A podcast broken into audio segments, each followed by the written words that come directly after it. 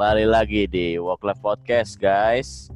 Kali ini uh, di sesi kedua untuk ngebahas perjalanan karir Imam Kurniansah dari awalnya dia hanya SMK tapi dia bisa struggling dan di episode kali ini kita akan ngebahas kesuksesan dia di karirnya yang sekarang ini gimana. Oke, mari kita lanjutkan kembali kita kembalikan lagi ke Imam Kurniansah. Oke, okay, thank you, thank you. Uh, tadi gue sampai mana ya? Oh, tadi gue sampai gue nyeritain uh, kenapa gue resign dari uh, kantoran lah. Waktu itu kan kantor gue, uh, karena kan gue pertama awal mau masuk kantor itu kan sebenarnya expect gue sebenarnya gue mau lanjut di Android apps, tapi ternyata gue diarahkan ke Android OS. Uh, ya gue bukannya ngerasa kurang happy sih. Ya gue bersyukur lah bisa masuk ke perusahaan yang udah bisa dibilang stabil pada saat itu. Cuman kenapa gue resign? Karena ya gue melihat pasar Android OS itu nggak nggak nggak sebesar Android apps. Jadi gue pengen balik lagi ke Android apps. Karena di kantor itu kenapa gue di kantor itu nggak bisa nggak bisa ke Android apps? Sebenarnya gue di kantor itu sesekali gue ngerjain Android apps cuman nggak bisa fokus uh, karena gue di sana bisa dibilang kayak semacam Superman lah. Gue setup server gue bikin uh, Android apps kecil-kecilan. Cuman buat, buat cuman buat logging logging doang. Terus gue bikin uh, dari sisi backend yang gue bikin juga. Walaupun semuanya pokoknya semuanya ini berantakan lah. Karena gue gue dibikin kayak Superman itu dan gue nggak begitu paham sama apa yang gue codingin. Gue cuma benar-benar kopas. Jadi gue ngerasa oh kayaknya gue nggak ini deh uh, gue pengen fokus ke tujuan awal gue ya udah gue balik lagi ke gue resign cari perusahaan software host. Yang software host ini termasuk gede lah termasuk gede kok di Indonesia. Alhamdulillah gue keterima. Alhamdulillah gue keterima. Waktu itu gue nggak bener-bener pada saat itu gue bener-bener nggak berharap bukan nggak berharap sih gue nggak nego nggak nego gaji sama sekali lah. Pokoknya oh, gak nego gaji lagi nih Gak, gue gue gak nego. Bahkan waktu itu tapi di atas ekspektasi lo berarti ya? enggak, enggak. Gue gaji gue sebelum kantor sebelumnya dengan kantor itu sama bahkan. Oh, Jadi gue menawarkan menawarkan sekian, ternyata kantor itu tersebut tuh nggak mau balik lagi. Ya udah, gue gue terima-terima aja sih karena tujuan awal tujuan tujuan utama gue itu gue pengen pengen apa ya memperdalam skill gue lah karena oh, gue sadar lah uh, anak SMK ini kan biasanya basicnya kurang. Mm-hmm. jadi uh, yang gue cari sebenarnya lebih ke ini sih lebih ke ilmunya lah. Ya udah gue keterima di situ. Software kan ya buat buat orang-orang sebenarnya buat orang-orang yang kayak lulusan SMK yang yang masih bingung dia mau mau belajar dari mana mungkin software software, software ini terbaik lah kalau kata gue karena kita kan dipaksa buat ngerjain berbagai macam aplikasi gitu. Sampai yang aneh-aneh pun ada lah. Sampai yang harus kelar sehari atau dua hari atau seminggu itu ada lah. Masih ngepus kan ngepus diri sendiri. Ya kita cepat berkembang. Ya gua gitu alhamdulillah. Uh, benar-benar dikasih beberapa project. Alhamdulillah juga sampai kelar projectnya. Nah kalau udah kalau udah pada saat biasanya ya biasanya orangnya termasuk gue pada saat itu gue udah ngerasa wah gue gue gue ternyata mampu nih bikin A bikin B bikin C. Kepake juga lah gitu kerjaan gue nah di situ gue mulai mikirin gaji. Gue malah merasa nyesal kalau gue dulu masuk ke perusahaan ini kok nggak nego ya? ya tapi ya udahlah karena tujuan awal gue itu uh, masih nyari ilmu dibanding nyari uang. Tapi ketika gue udah bisa pasti nyari uang dong ujung-ujungnya. Karena mau gimana pun juga uh, eh, gue harus membahagiakan orang-orang di belakang gue lah ada banyak orang yang mendampingi gue di belakang gue support gue harus bisa nyenengin mereka dong. Gue waktu itu cuma bertahan berapa bulan? Gak sampai setahun mungkin sekitar sembilan bulan. Sembilan bulan itu gue nggak salah. Sembilan bulan apa apa delapan bulan gitu. Gak, gak lama lah. Karena ya gue ngerasa capek juga kerja di software house. Kalau ilmunya gue akuin banyak banget. Cuman capek karena dikejar-kejar klien lah ya udah gue 9 bulan gue cabut alhamdulillah keterima keterima di startup di Indonesia yang udah lumayan gede hmm. ya uh, Satrio juga pernah di sana lah ya kebetulan gue waktu waktu sebelum masuk eh waktu- kebetulan gue sebelum masuk ke startup ini gue sama Satrio juga Satrio Iya, sempat iya. jadi lead gue lah Oh iya iya iya. kawan gue itu Ya kan kita pertama kali ketemu di sana kan. Iya bener gue Iya benar. sana sana. satu tim. Iya. situ sih. Terus Satrio cabut. Ke perusahaan eh ke startup itu ya gue ngikut lagi ke situ. Gue ngebututin terus nih. Lalu gue alhamdulillah itu keterimanya di perusahaan startup yang emang fokus lah fokus bikin Produk ya? aplikasi- Hmm, bikin aplikasi produk lah gitu. Produk POS. enggak. Ya POS jadi enggak apa ya nggak kayak sebelumnya Ini berarti perusahaan terakhir lo ya yang ini. nggak tahu ya ini Buat- belum belum bisa termasuk terakhir deh Oh. karena Bukan, ntar- maksudnya perusahaan terakhir lo sekarang. perusahaan lo sekarang berarti. ya perusahaan gue sekarang sekarang Ya, gue betul. masih di situ sih Oh, kan berarti kan tadi waktu lo mau pindah tadi lo niatnya uh, mau ada ada nyari gaji juga lah ya. Itu berarti sekarang gaji lo berapa nih kalau Udah, boleh udah. tahu nih? Waduh. Mencukupi nggak yo? Ya mencukupi. Um, iya, cukup nggak? Cukup nggak? Kayaknya kalau cukup nggak cukup sih, kayaknya manusia nggak ada cukupnya sih sebenarnya ya. Kebutuhan kan selalu ada. Yoi. kalau gue nyebut berapanya mah gak enak lah Oh, iya. Nyebut berapa ya yang pasti nggak sampai UMR nggak bukan UMR maksud gue sedih Iya. banget gue UMR Pokoknya udah Dua digit digit di awal lah ya. Dua digit udah ada lah alhamdulillah Wah, Gitu. mantap. Dengan berarti dengan berapa kali eh berapa kali sorry berapa tahun ini uh, struggle ya berarti? Ah, struggle gue itu sebenarnya dua tahun awal sih dua tahun awal itu paling struggle ya karena yang tadi 800 ribu tadi ya. Itu. delapan ratus ribu satu koma tiga dua koma enam Coba tuh hitung 800 ribu ke yang dua digit itu berarti berapa lama rentang waktunya tuh? Berarti sekitar empat tahun kayaknya 4 tahun. Signifikan sekali yo. Ya, hebat sekali. Tapi tapi gue penasaran mam yang eh, menurut lu sendiri sih yang nge- ngerubah jalan hidup lu yang drastis ini apa sih sebenarnya? Jalan ninja. sebenarnya gini Jalan ninja tadi eh, apa a- apa anu, kejar tadi atau gimana sih ada, eh, ada Ya, kayak sebenarnya gua- gitu? Pengen kerja sebenarnya gue bisa bertahan sampai saat ini tuh ada satu inilah ada satu momen waktu gue sekolah jadi gue aduh gue kok jadi ngomongin cinta ya ini soal ini sih soal cinta lain Oke oke. apa, apa. nggak apa-apa nggak apa-apa. Oke Dilan. Mungkin mungkin orang lain bakal relate juga soalnya. Iya. oke Ah, oke jadi Pasti sih ada motivasinya. Pasti, Pasti ada. ada. Ya. pertama gue waktu SMK kan gue gue gue lahir di eh, keluarga yang bisa dibilang biasa-biasa aja. Ma- bahkan bisa dibilang kurang lah. Eh, orang tua gue masih waktu itu banyak utang gitu kayak gitu. Terus eh, kakak-kakak gue belum bisa bantu banyak. Jadi gue ketika gue eh, mau lulus sekolah itu pikiran gue tuh bukannya kuliah. Pokoknya kuliah tuh nggak sama, sama sekali nggak gue lirik lah bahkan gue dipaksa apa tuh namanya SPMBTN apa gitu namanya gue sampai dipaksa diseret-seret gue ke SMK waktu itu suruh ikutan gituan gue nggak mau gitu. Karena tujuan gue itu sebenarnya lulus dari SMK harus kerja karena gue harus bantuin orang tua kan. Walaupun beberapa tahun itu gue belum belum bisa secara sepenuhnya bantuin. Tapi di satu sisi ada satu lagi masalah tentang ya bisa dibilang tentang cinta lah. Pacaran juga waktu itu eh ya itulah. Jadi biasanya kalau cewek kan baru lulus ada yang langsung nikah kan. Nikah, jadi iya. cewek jadi cewek gue ini waktu itu dilamar gitu. Dilamar sama cowok. Kayaknya PNS sih. Setahu gue PNS dah. Nah, di situ gue ngerasa wah mentang-mentang gitu kan mentang-mentang PNS ya udahlah gue nggak bisa apa-apa dong. Gue mau ngelarang gimana? Oh gue masih orang yang nggak punya apa-apa kan.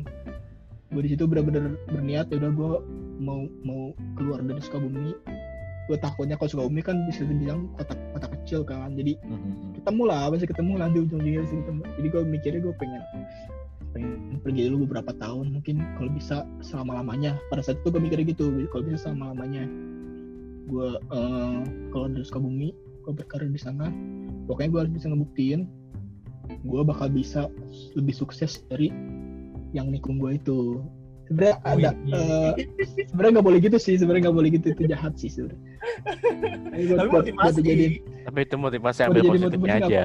motivasi nggak apa-apa sih cuma Iya. kalau untuk saat ini gue udah nggak gitu Iya, saat ini gue udah mema- memaafkan juga namanya namanya juga jodoh lo nggak ada yang tahu iya betul. kan tapi motivasi gue tuh itu dulu tuh pokoknya sebisa mungkin gue harus bisa melampaui lah Oke. melampaui si cowok itulah pokoknya itu sih. Ini masih cewek yang sama kan? yang mana nih yang yang yang jadi motivasi lu. Fadli pakai dibahas lagi. nah ini ini motivasi motivasi awal kalau sekarang udah Iya. beda motivasinya Oh, Kalau sekarang berarti udah bisa dibilang apa ya? Udah jauh sih growth-nya pasti dari apa Iya dari eh, awal tamat SMK itu kan. Berarti lu sendiri nggak kebayang bakal kayak gini kan, Mam? Enggak, gue nggak nggak kebayang sih kalau gue bisa masuk di eh, startup yang lumayan gede. hmm. Nggak nggak pernah kebayang sih. Justru gue dulu tuh pernah punya berpikir punya pikiran karena gue susah banget. Eh karena gaji gue belum tentu cair di bulan itu, bahkan gue mau melipir ke jadi pegawai pabrik dulu gue itu. Tapi gak keterima ternyata. Emang Untung emang nggak jalannya ke sini gitu kan. Iya emang jalannya ke sini. Pasti semua juga ada jalan lah. Pasti ada jalan hashtag something itu. Pasti ada jalan. Ini ya kalau mungkin kalau dulu gue ngambil ke pabrik mungkin gue nggak nggak sampai saat nggak sampai kayak gini sih. Pasti ada jalan lah. Udah diarahin Hmm. hari ini ke sini ya dan gue benar-benar bersyukur sih. Saat lu posisi sekarang nih Mam, kan lu udah bisa dibilang lumayan lah, udah penghasilannya. Ada nggak? Gue pengen tahu, ada nggak hal yang mungkin selama lu sebelum sampai saat ini ada kepengen yang lu pengen ngelakuin itu dan dengan dengan kemampuan lu yang sekarang lu bisa ngelakuin itu. Ada nggak? Kayak misalkan lu mau beli sesuatu apa atau lu mau melakukan apa, terus sekarang bisa kesampaian akhirnya. Ada nggak kayak gitu?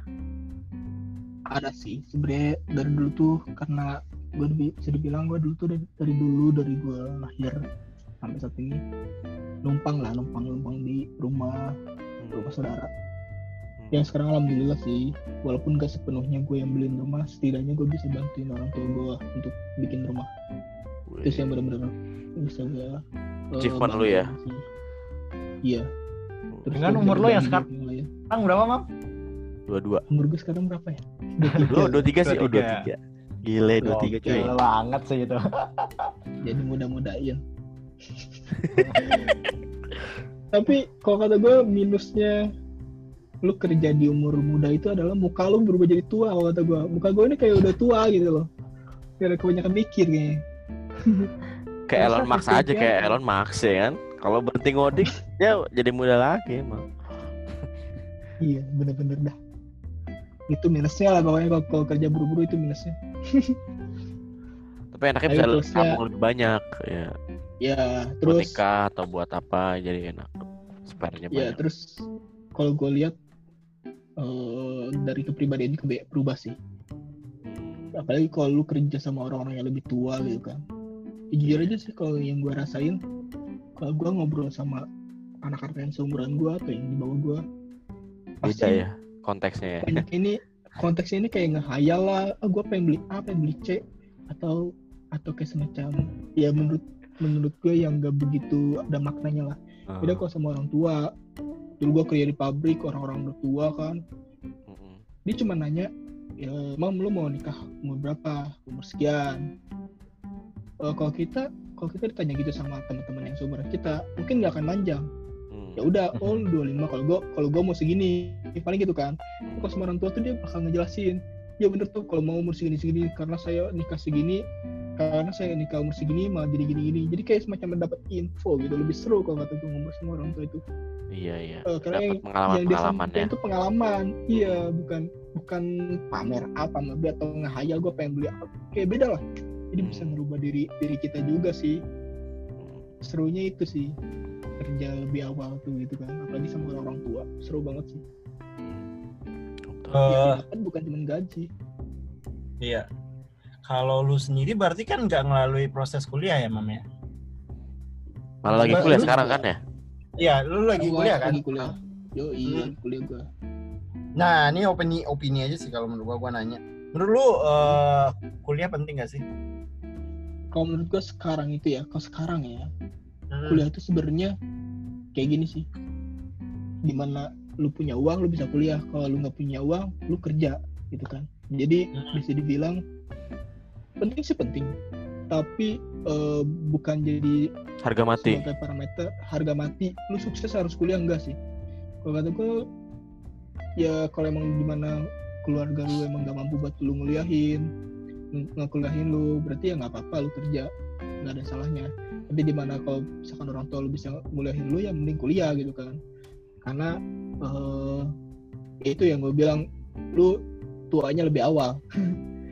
Lu kecepatan tuanya gitu kan. Dari sisi umur ya nggak akan cuma dari sisi yang gue rasain sih dari sisi muka gue sih jadi agak lebih tua dari teman-teman gue sama gue ngerasa sifat gue tuh lebih lebih beda dari mereka. Gue lebih lebih kayak apa sih gitu kan. Kalau mereka kayak "Ya udah have fun have fun aja gitu aku gue jadi kayak apa sih terus kuliah itu eh, yang bi- yang bisa gue bilang penting tuh pola pikir juga pola pikir di waktu di di kuliah itu emang berubah juga sih walaupun nggak begitu signifikan tergantung pergaulannya ya Mm-mm. karena kan gaulnya masih sama temen-temen yang Sebaya juga kadang ya. Mm. Terus yang gue rasain itu waktu gue SMK ini gue nggak punya, jadi basicnya itu kurang kuat lah kalau kita eh, dari SMK atau nggak kuliah.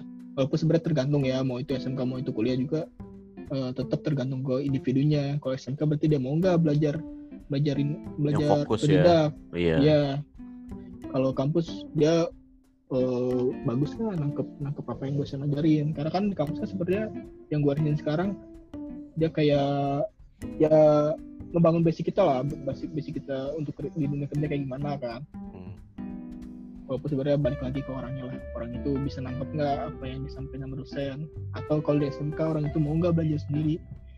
Jadi kalau gue bilang kalau orang tua lu mampu kuliahin lu ya lu mending kuliah gitu lu bas, lu lu merasakan eh, merasakan senang senangnya dulu lah jangan jangan dulu merasain pahitnya tapi kalau emang keluarga lu nggak bisa nggak mampu untuk kuliahin lu ya nggak apa-apa kerja itu sih kalau kata gue tetap penting kuliah tetap penting sih Nah ini gimana lu sensasinya ketika lu kerja juga? Ini kan lu berarti kerja juga, tapi kuliah juga. Nah itu gimana tuh lu bagi waktunya mau?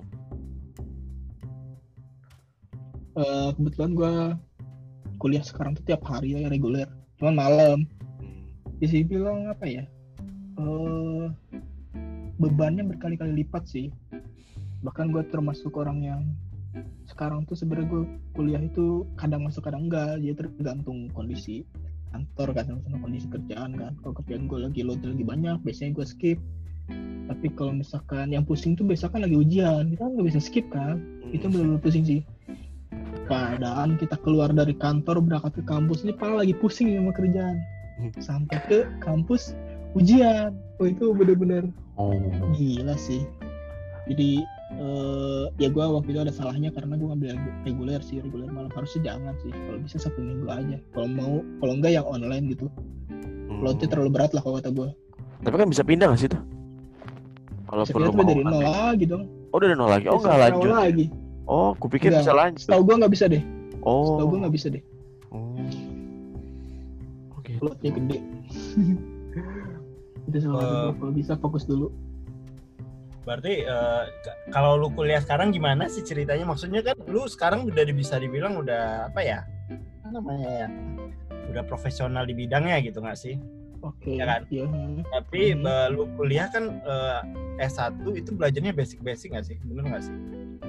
ya basic-basic sih sebenarnya gue kuliah tuh bukan bukan karena ini ya bukan karena gue mau mengejar suatu jabatan atau posisi enggak sih Hmm. sebenarnya kalau gue lihat sih eh untuk di dunia startup ini nggak begitu dilihat sih kalau kalau lulusannya.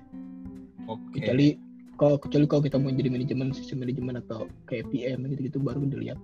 Gue sebenarnya kuliah ini karena ini sih gue pengen nyenengin orang tua lah gue lebih pengen nyenengin orang tua sih. Karena dari tiga bersaudara nggak ada yang S1 gitu. Masa sih gue yang mampu gue yang bisa dibilang mampu kuliah masa nggak kuliah?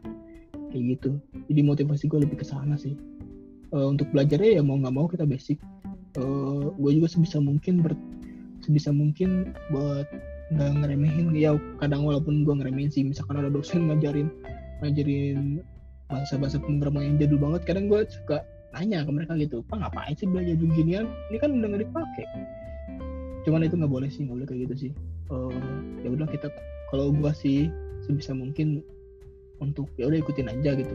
Ikutin aja kalau emang dia ngajarin yang basic-basic ya ikutin aja gue sebisa mungkin bertahan nahan diri buat biar nggak kelihatan sama orang tuh kayak so jago istilah kan kelihatannya kayak apa sih gitu dikit-dikit kayak dikit-dikit kayak kayak pengen pengen dilihat lebih jago dari dosen.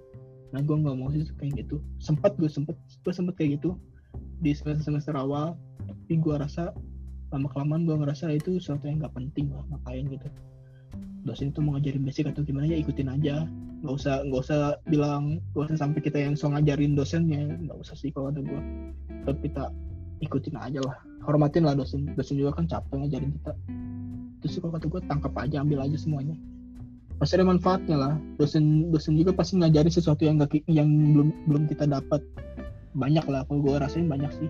Sesuatu yang oh gitu ya gitu kan. Walaupun itu sesuatu yang basic tapi eh kalau kata gue tetap dicerna jangan diremehin gitu sih Eh, ini kan dari segi ilmu ya Mam ya. Eh, Mam, eh, kalau dari segi kayak pengalaman sosial atau soft skill gitu gimana? Lu ada dapat nggak? Ya, ya yang kayak gitu. Nah, sebenarnya kalau kebetulan gue ini eh, kampus gue ini kan gue bilang kelas malam reguler rata-rata anak-anak kerja jadi ya gue hawanya sih nggak hawa hawanya bukan hawa ngampus sih tapi hawanya hawa kerja sih. Karena sifat-sifat orang-orangnya udah orang-orang yang pada kerja doang. Beda kalau kita reguler reguler siang. Mungkin kita ketemunya sama anak-anak yang baru lulus atau yang masih masih pada muda beda sih. Jadi yang gue rasain sekarang tuh kayak ya gue kayak lagi ngumpul ngumpul sama teman-teman kerja aja. Karena orang-orangnya asik gitu. Udah bisa dibilang eh sepemikiran lah gue nggak ngadep ngadepin bocil bocil bocil yang aneh gitu sifatnya gitu sih di kampus yang sekarang kebetulan Berarti berarti eh, dari dari situ kan networking juga kan? Lu nambah teman-teman yang udah kerja networking juga nggak sih? oh itu nanggung banget apalagi kalau perusahaan-perusahaan eh kalau misalkan kampus yang mengisinya anak-anak yang udah pada kerja kan pasti ada aja lah yang mereka kerja itu di perusahaan yang emang bisa dibilang penting. Ada yang ada temen gue tuh ada yang ada yang kerja jadi polisi jadi kelurahan jadi di orang pajak. Ketika gue butuh kayak kemarin gue butuh Evin gue tinggal minta ya kan ke dia. Terus kalau misalnya ada gue nanya-nanya tentang eh, kepolisian gue tinggal nanya ke temen gue itu bisa dibilang koreksi banget sih. Kalau ngampus sama kalau ngampus sama orang-orang udah kerja di mana eh, di mana kita butuh eh, adalah ada ada ada teman ada orang yang yang apa ya yang bisa kita tanya lah. Kayak gitu sih. Beda kalau tapi beda ya kalau ngampus sama anak-anak reguler biasa. Kayaknya lebih ke banyak nongkrong nggak sama mereka. Kalau sama anak-anak kerja gini ya dia sampai kampus juga pasti capek dong. Capek pulang pasti pengen buru-buru. Gue dibilang anak-anak gue jarang nongkrong sih. Nongkrong paling cuma cuma bentar doang lah sampai lama. Gitu sih kalau yang gue rasain. Koneksi banget lah pokoknya. Hmm, Oke oke. Gua terakhir nih mam, gue pengen tahu oke. pengen tahu lu ngasih tips dan trik buat teman-teman yang dengerin podcast kita di episode ini. Mungkin dari ada juga yang dari SMK juga atau dari mana dari kuliah atau apa. Lu gue pengen lu kayak ngasih saran suggest lah tips and trick lah biar gimana kalaupun mereka itu masih SMK gimana caranya biar bisa struggling di tech company di industri teknologi zaman sekarang. Oke. Ya sebenarnya tips dari gue tuh eh, kita mau jalanin apa pun tuh jangan setengah-setengah sih. Kalau lu lulus dari SMK punya cita-cita jadi pengen software engineer ya udah jangan setengah-setengah gitu. Lu jangan minder juga karena kebetulan di dunia kita, maksud gue tuh dunia programming ini nggak nggak begitu dipandang yang namanya lulusan. Eh, itu nggak begitu pandang ya sebenarnya yang dipandang itu kan skill kita kan. Ya itu makanya jangan setengah-setengah belajarnya terus jangan minder ya kan. Terus kalau kata gue untuk pertama-pertama anak-anak SMK itu eh, ini termasuk yang first grade ya. Mau itu first grade dari kampus itu gimana? Mhm. pertama-tama kerja kalau kata gue jangan dulu pus gaji. Ya udah kita cari ilmu sebanyak banyaknya dulu aja. Gak apa-apa kerja kita kayak jadi jadi Superman. Hmm. bisa dibilang bagus juga kalau kita jadi Superman kan jadi serba tahu gitu. Dibanding dibanding kita misalkan ah ada tawaran kerja nih jadi software engineer atau jadi programmer. Gajinya kecil. Dia nggak mau padahal skill dia tuh sebenarnya belum ada apa-apanya. Maksudnya masih masih banyak belajar. Kalau menurut gue ya ambil aja gitu jadi itu kayak semacam kelas kita kelas-kelas selanjutnya lah. Ya tetap kita digaji nggak apa-apa. Emang sih capek gitu ini yang namanya capek dari sisi fisik sama sisi otak juga capek kan. Yang namanya kita belajar itu kan kayak semacam belajar tapi dap- dapat tekanan. Yang gue rasain kayak itu sih. Hmm. belajar kita sambil belajar tuh sambil sambil dapat tekanan untuk cepet-cepet kelar kan. Dinikmatin aja dijalanin aja gitu. Jangan sampai kita ah udahlah ngoding mah capek gitu ngoding mah pusing. Mau melipir ke mana gitu misalnya melipir jadi teller bank misalkan. Kebanyakan gitu kan jadi teller bank atau jadi apa gitu. Iya, iya. Kalau kata gue kalau kata gue ya tetap jalanin gitu karena eh, soft- apa sih dunia kita ini ya programming ini atau sisi development ini kalau kata gue selalu berkembang sih dan selalu dibutuhin. Jadi ketika lo punya cita-cita untuk jadi seorang software engineer kalau kata gue jangan setengah-setengah. Udah gas aja gitu jangan terus jangan jangan jangan minder juga. Ketika lo masuk ke satu perusahaan terus ternyata, tim-tim lu ini dari dari kampus-kampus ternama ITB atau apa jamin dari justru lu harus, lu bangga gitu loh. Lu harus bangga lu kerja sama orang-orang yang bisa dibilang udah diingat lebih tinggi dari lu. Lu harus lebih semangat kata gua. lu pelajarin dia cara kerjanya kayak gimana kenapa sih dia bisa bisa sejago itu itu sih kalau kata gua yang setengah-setengah pokoknya digasin aja Oke, oke, oke. Jadi kesimpulannya jangan setengah-setengah harus fokus ya. Benar-benar. Iya. Oke, oke. Untuk Isnan dan Fadli mungkin ada pertanyaan lagi? Ya. Yang masih menggantung. Dan- Hmm. Dari aku udah cukup sih, udah banyak banget Ya. insight dari awal perjalanan karirnya Imam dari lulus SMK, struggle-nya wah gila. Mm-mm. Banyak banget sih ah, yang bisa thank you thank you thank you diambil pelajarannya. Iya. Yang udah ngundang Bermanfaat banget sih. Dia jalan ninjanya mantap sih.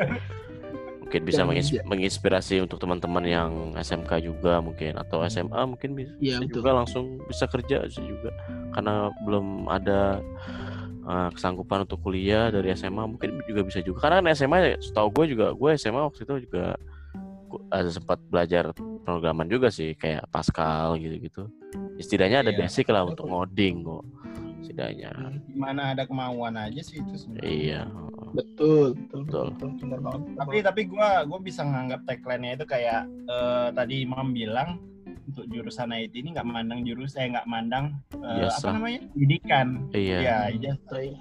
tapi skill ya Mam ya iya benar Iya kata gue Skill. itu sih itu yang gua tangkap banget sih dan struggle-nya itu. Oke, oke kalau gitu kalau udah semuanya udah clear, semuanya thank you mam untuk sharingnya. Thank you, you udah semoga, Thank you Imam. semoga lancar you, terus Mam. karirnya. Yoi, thank you. Amin. amin amin Kembali lagi kita nanti di episode selanjutnya di Wokla Podcast dan sampai jumpa. Bye bye. Bye, guys. Bye. Dadah.